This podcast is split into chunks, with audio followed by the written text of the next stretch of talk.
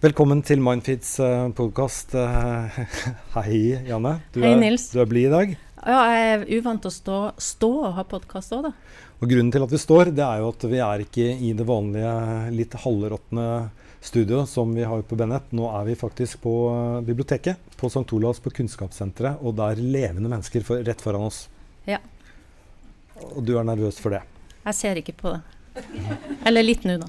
Ja. De ser vennlige ut, da, Nils. Den nervøsiteten der før man da snakker til folk, den, det er jo også nesten noe som kan være litt sånn angstfylt, og som veldig det, mange kjenner igjen? Det tror jeg. Og et av spørsmålene vi har fått, handler jo om angst. Vi får veldig mange spørsmål om angst.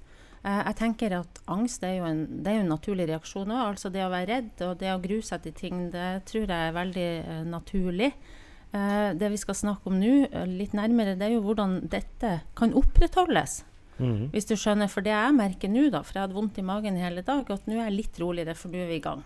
Men, men, kan jeg bare spørre deg, for ja. jeg, har, jeg, har, ikke sånn angst. Nei, du er jo blotta for det. Men, men hva, hva, er du, hva, er det du, er redd for skal skje? Nei, det er bare en sånn angst Altså, du har jo ulike typer angst, da. Men eh, en type nervøsitet, du får litt vondt i magen, og så begynner du å tenke uh, kanskje mer negativt. Jeg duger ikke. Nei, er det noe særlig å høre på det her? Uh, nei, det blir ikke bra. Og så er det noe med at da er jo fristelsen stor til å unngå hele situasjonen, hvis du skjønner. Uh, det har jo ikke jeg gjort, og det er veldig bra. For da kan en lære noe, og det er at angst det roer seg ned. Så mm. da kan det bli et type positivt Det kan bli en type positiv angst òg, da. Du er ikke helt der ennå, men du kan komme dit i løpet av seansen, tror du? Du, kan, hvordan skal jeg stå? Du altså, står helt perfekt. Ok, for det, Han er så opptatt av lyden, så jeg får nesten ikke lov å bevege meg når vi holder på med podkast. Nei, men jeg er jo mest opptatt av min lyd, da. ja.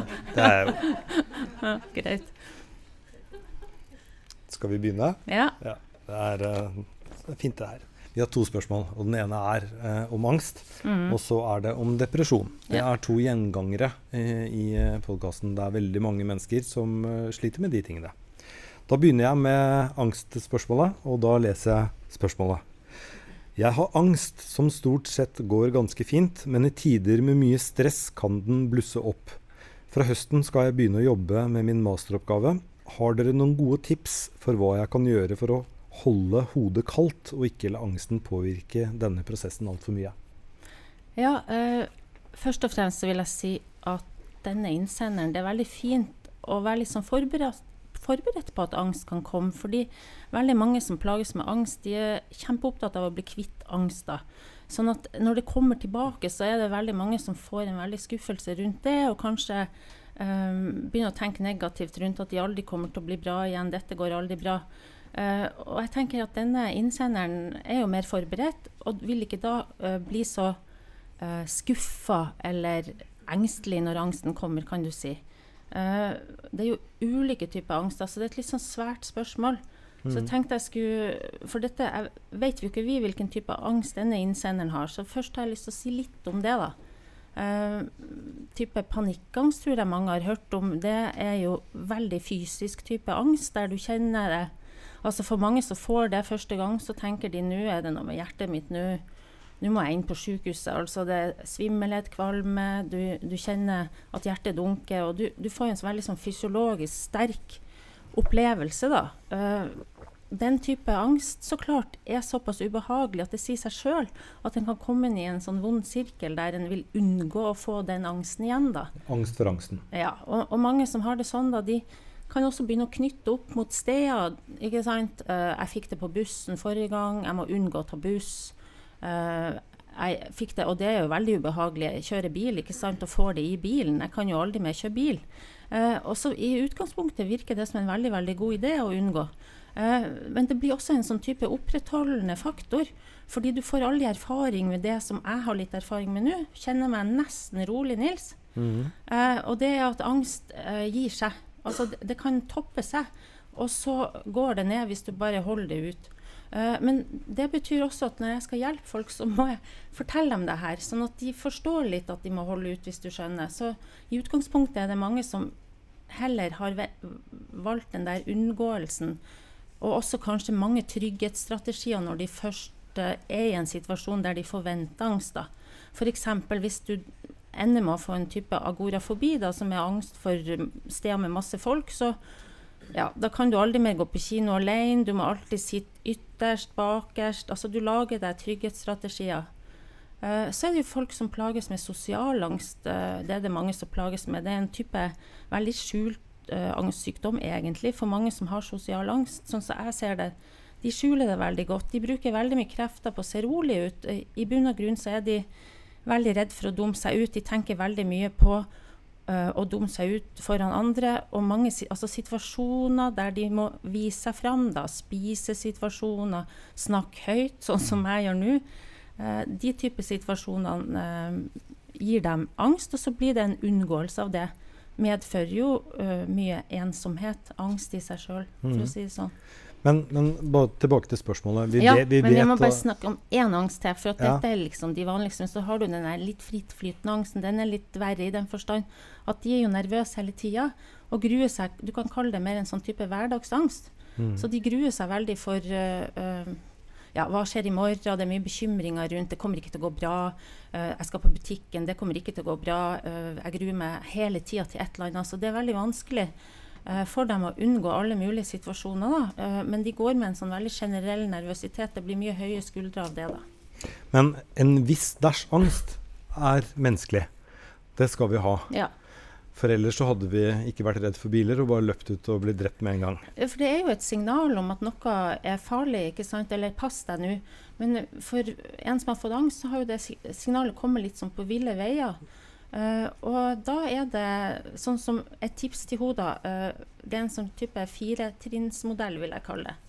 Mm -hmm. Altså, uh, du må starte med en slags aksept. Akseptere angsten. Ja. Sånn mhm. at hvis du kjenner at angsten kommer, så må du tenke Ja, OK, nå er den her. Uh, det som er veldig lett å gjøre da, er å begynne med sånne type distraksjoner og sånn. Jeg må ikke kjenne på den angsten. Det blir faktisk mindre angst av å akseptere den. Mm. Eh, og så må du uh, tolerere den. Altså tåle at den er der litt. og så kan du prøve å belønne deg sjøl også med å si at så bra at jeg la merke til det her. Altså det er jo bra at jeg klarer å legge merke til at det skjer. og så, når det er gjort, aksept og toleranse for det, så kan du fokusere utover. Sånn at Det er jo ikke meninga at du skal fokusere innover på det her hele tida, men at du er innom det, og så ut.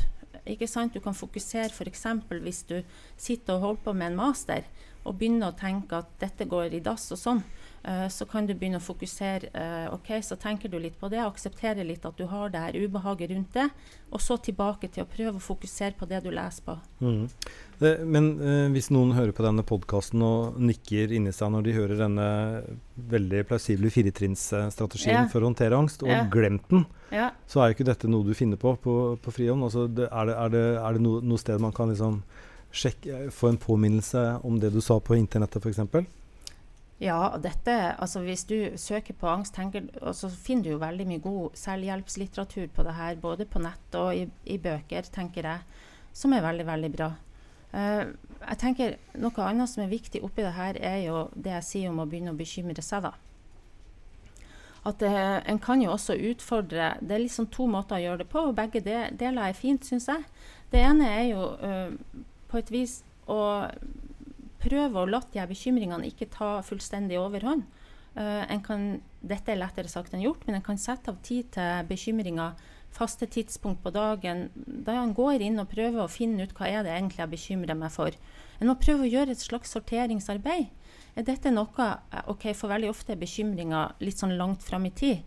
Uh, dette går, masteren kommer til å gå i dass, men nå er det jo tre måneder til den skal inn, hvis du skjønner. Uh, og da må en prøve å sortere litt. altså Er dette noe jeg kan gjøre med nå, eller er det noe jeg kanskje ikke behøver å tenke så mye på nå? Mm -hmm. Sånn at hvis en uh, tar en type sorteringsarbeid med bekymringene litt sånn fast hver dag, så slipper det å, å, bli noe som liksom flyter ut resten av dagen, hvis du skjønner. Mm. Uh, veldig ofte er det jo sånn at en prøver å ignorere de bekymringene hele dagen. Så kommer en til kvelden, natta, så får en ikke sove. Så det er det andre punktet, at, at søvn er en sånn viktig faktor da, når en uansett da, psykisk helse, men særlig hvis hvis en trenger å være i bra form over tid, hvis du skjønner, Nils. Mm. Når en skal gjøre en master, må en være i bra form over tid. Søvn har vi jo snakket eh, en del om, eh, Mhm. så der er det bare å gå tilbake til en, en av de tidligere podkastene. Vi har hatt en søvnspesial. Én ting. Mm. Du må prøve å stå opp til samme tid hver dag. Altså Det er det aller, aller viktigste med søvn. Så selv om du har en veldig dårlig natt, så er det noe med å prøve å opprettholde rutinene både for når du legger deg og står opp. Eh, selv om du da er stuptrøtt, hvis du skjønner, så prøv å holde deg våken sånn at det kan regulere seg tilbake. Det kombinert med å sette av tid til å anerkjenne og gå litt inn i de bekymringene litt tidligere på dagen, da, kan Mm. være et godt tips. Det var jo derfor Gud fant opp vekkerklokke.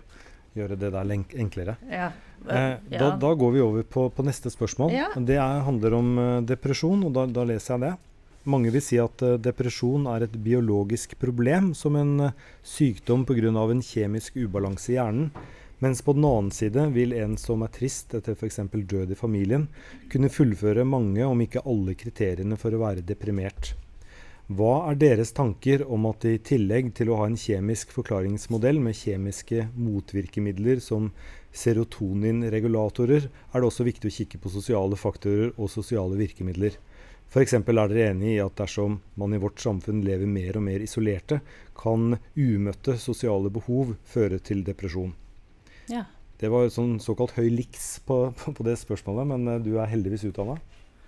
Jeg tenker, eh, for du vet at Dette har jo vært veldig viktig i forhold til de antidepressivene som eh, kommer ut på markedet. og det, Teorien er jo at, at de som er deprimert, mangler eh, serotonin og det vi kaller eh, noradrenalin. At de, disse signalstoffene er svekka hos dem. da. Og da har det kommet en forestilling om at disse ta, eh, medisinene kan øke det gjør jo det, øke nivået av serotonin og noradrenalin. Eh, og så er på et vis eh, problemet løst, kanskje, vil noen tenke. Men det er jo ikke erfaringa til de som er deprimert, og heller ikke min erfaring. Eh, fordi det er vel bare en liten bit av sannheten. Nå er det faktisk også sånn at litt nyere forskning viser at kanskje en har overvurdert litt effekten av de medisinene òg. Eh, jeg vil jo si eh, at jeg har et forhold til de her medisinene som er er sånn at jeg kan eh, godt anbefale at folk går på dem, men jeg tror ikke det er det første jeg ville valgt. Men bare for å dra det ned på Ja. mitt nivå her. Altså det her handler om at noen kan mene at det å være deprimert, hvis det er en tilstand, det kan du bli født til fordi du mangler noe.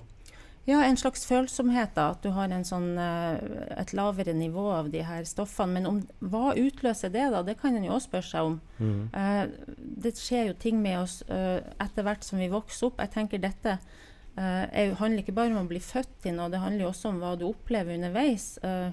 Og så handler det jo også om en type ja, erfaringer en tar med seg underveis. En stor driver i depresjon er jo uh, dette med at en har en del antagelser om seg sjøl. en bruker mye tid på å gruble. Hvorfor har jeg det som jeg har det? Hvorfor er jeg ikke gladere enn, enn det her? Hva er det som feiler meg? En, en går veldig ofte inn i sånne negative tankemønster om seg sjøl.